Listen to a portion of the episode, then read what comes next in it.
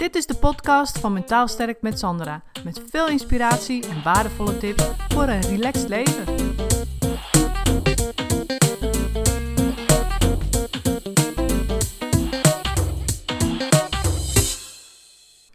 Ik denk dat heel veel gevoelige mensen last hebben van het volgende. En het is je verantwoordelijk voelen voor het gevoel van een ander.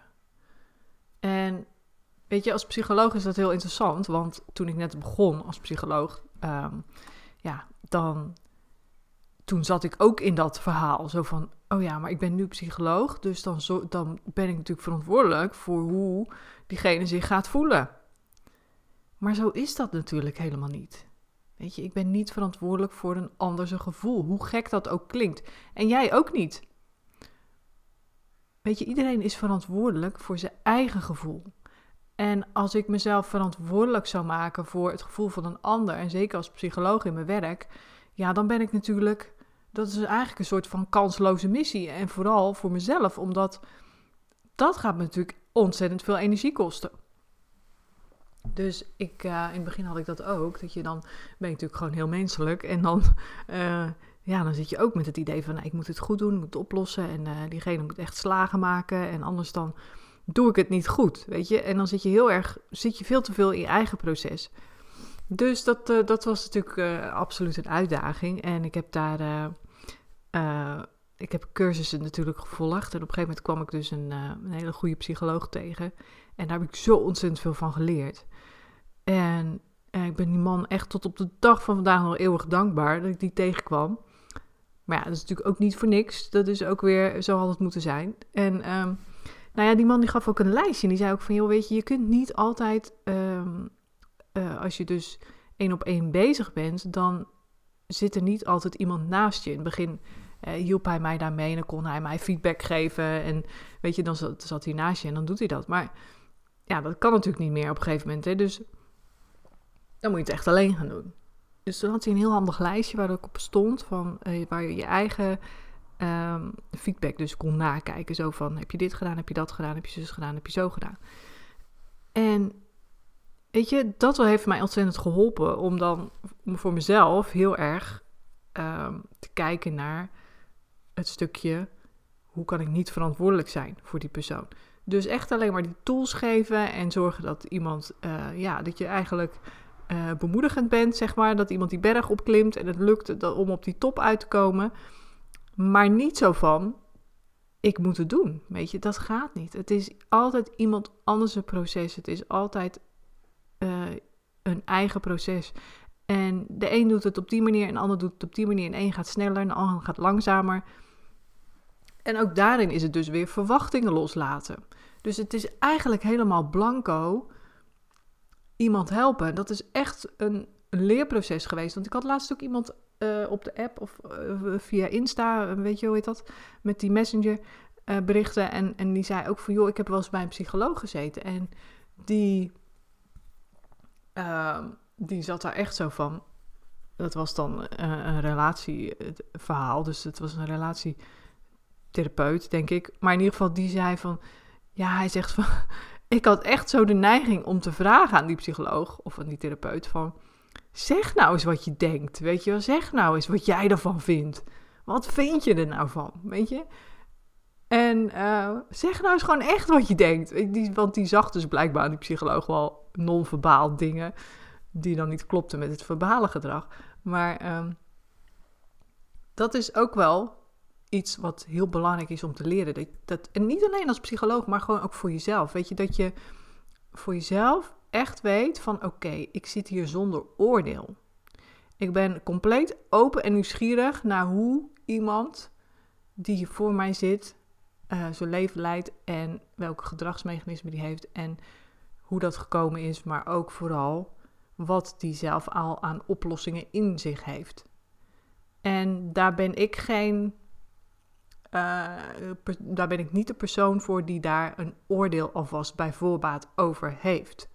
En dat heeft die psycholoog mij echt heel goed geleerd. Dat je echt gewoon met een open nieuwsgierige houding en totaal ook niet gaat invullen. Hè? Want dat is dus ook weer een hele grote valkuil van ons mens zijn. Dat je alvast gaat invullen eh, een oplossing gaat invullen, maar ook gedachten gaat invullen. Van, oh, hij zal nu wel dit of dat denken. Of, uh, weet je, dan ga je het allemaal invullen. Dat zijn natuurlijk hele menselijke aspecten. Maar het is echt heel fijn om dat te kunnen, om dat niet te doen. En niet alleen in mijn werk, maar natuurlijk ook in, uh, gewoon, ja, in het dagelijks leven gebruik ik dat. Dat ik dus niet invul en niet oordeel. En daarbij dus ook echt gewoon open nieuwsgierig ben van hoe gaat iemand, hoe staat iemand in het leven en wat zijn zijn oplossingen. En natuurlijk help ik hem daarbij, of haar, door vragen te stellen, door, uh, nou ja goed, de levensvisie, de therapie die ik heb, alle tools in te zetten. Maar ik blijf open en nieuwsgierig van hoe gaat iemand dat oplossen? Wat zijn de antwoorden? Weet je? En ik moet zeggen dat dat echt een kunst is, die, uh, die, ja, gewoon, die ik natuurlijk heel hard geoefend heb. En toen ik dat berichtje, toen ik eventjes aan het chatten was met diegene op Insta, toen dacht ik, ja, weet je, daar, sta je dan eigenlijk helemaal niet bij stil. Maar ik dacht ineens van ja, ik heb inderdaad heel erg geleerd om niet te oordelen en weg te blijven van dat invullen en dat soort dingen. Dus toen dacht ik ook van ja, dit is belangrijk. Dit zijn de belangrijkste dingen die je in het leven kunt leren. Dat je dus je niet verantwoordelijk voelt voor het gevoel van een ander. Altijd weet van als je in een hulpverlenende positie zit, of als je coach bent, of als je um, nou ja, gewoon bij vriendinnen het leuk vindt om advies te geven. Kan ook, hè. Of dat je ergens uh, werkt en je hebt vrijwilligers. Of je hebt hoe dan ook te dealen met mensen. Dat je ervoor zorgt dat je altijd weet: ik ben niet verantwoordelijk voor die ander zijn gevoel. Je kan hem tips geven, je kan hem adviezen geven, maar nog steeds die persoon moet het zelf doen. Ik ook, weet je, als ik tips, adviezen geef of tools en dingen uitleg, inzichten, dan is het aan de ander om daar iets mee te doen. Ik kan niet heel de dag met zijn handje in handje gaan lopen en uh, zeggen van ja, oké, nou kun je die oefening doen en nu kun je die oefening doen. Weet je, we spreken doelen af, tuurlijk, dat is een stok achter de deur, maar dan nog is het aan die persoon om dat ook echt te gaan doen. En zo is het met jou ook als jij adviezen geeft of met een ander te maken heeft. Je kunt het maar tot op zekere hoogte beïnvloeden. Dus je kunt het advies geven, je kunt die tools geven. En daarna is het loslaten wat die ander ermee doet. Dus maak jezelf daar ook niet verantwoordelijk voor. En je kunt daar ook niet over oordelen, want de reden waarom iemand iets niet doet, of juist heel goed en heel enthousiast aan de slag gaat, dat heeft ook te maken met simpelweg zijn gedragsmechanismen. Dus het gedrag wat iemand heeft aangeleerd. Dus ik heb ook mensen die gaan heel erg uh, met die tools aan de slag en die gaan het heel erg goed doen. dus vanuit hun monsters van ik moet dat goed doen. Maar dat, dat tackle ik ook altijd meteen. En zeg ik van je doet het niet voor mij. Je hoeft het niet voor mij goed te doen. Dat je met een goed verhaal terug kan komen. Dit doe je allemaal voor jezelf. Je krijgt van mij geen rapportcijfer of een beoordeling. Weet je, dat, zo werkt het gewoon niet. Je doet het echt voor jezelf. En die moeten dan echt ook een, hele slag maken van, oh ja, shit, weet je, ik doe het echt voor mezelf. Ik ben hier natuurlijk voor mezelf.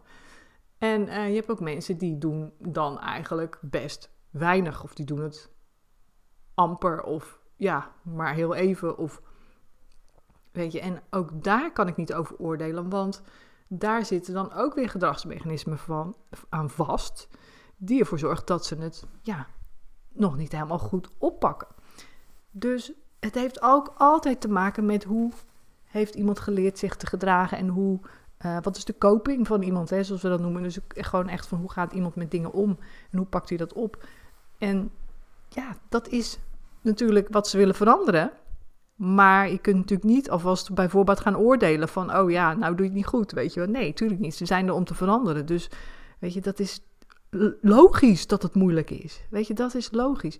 En dat breng ik ze ook bij, weet je. Als, als ze maar ja, één of twee keer geoefend hebben of het is niet helemaal gelukt, dan zeg ik, ja, is logisch.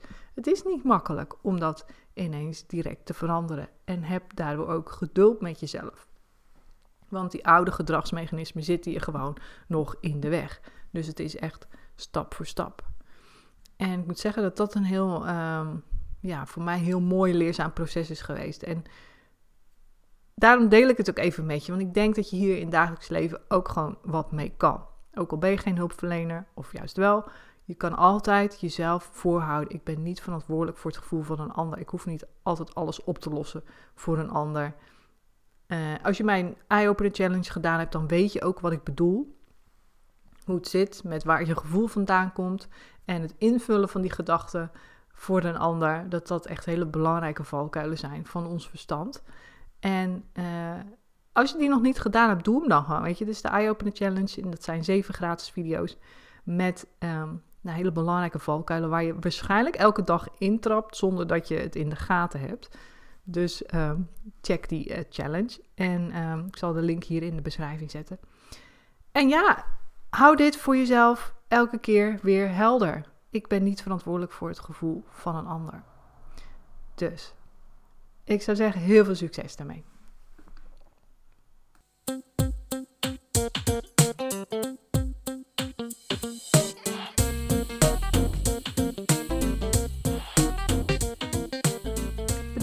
Luisteren. Wil je meer weten over mijn online videotraining of wil je graag mijn 1 op 1 hulp via Skype of in mijn praktijk? Mail me dan op contact@mentaalsterkmetsandra.nl.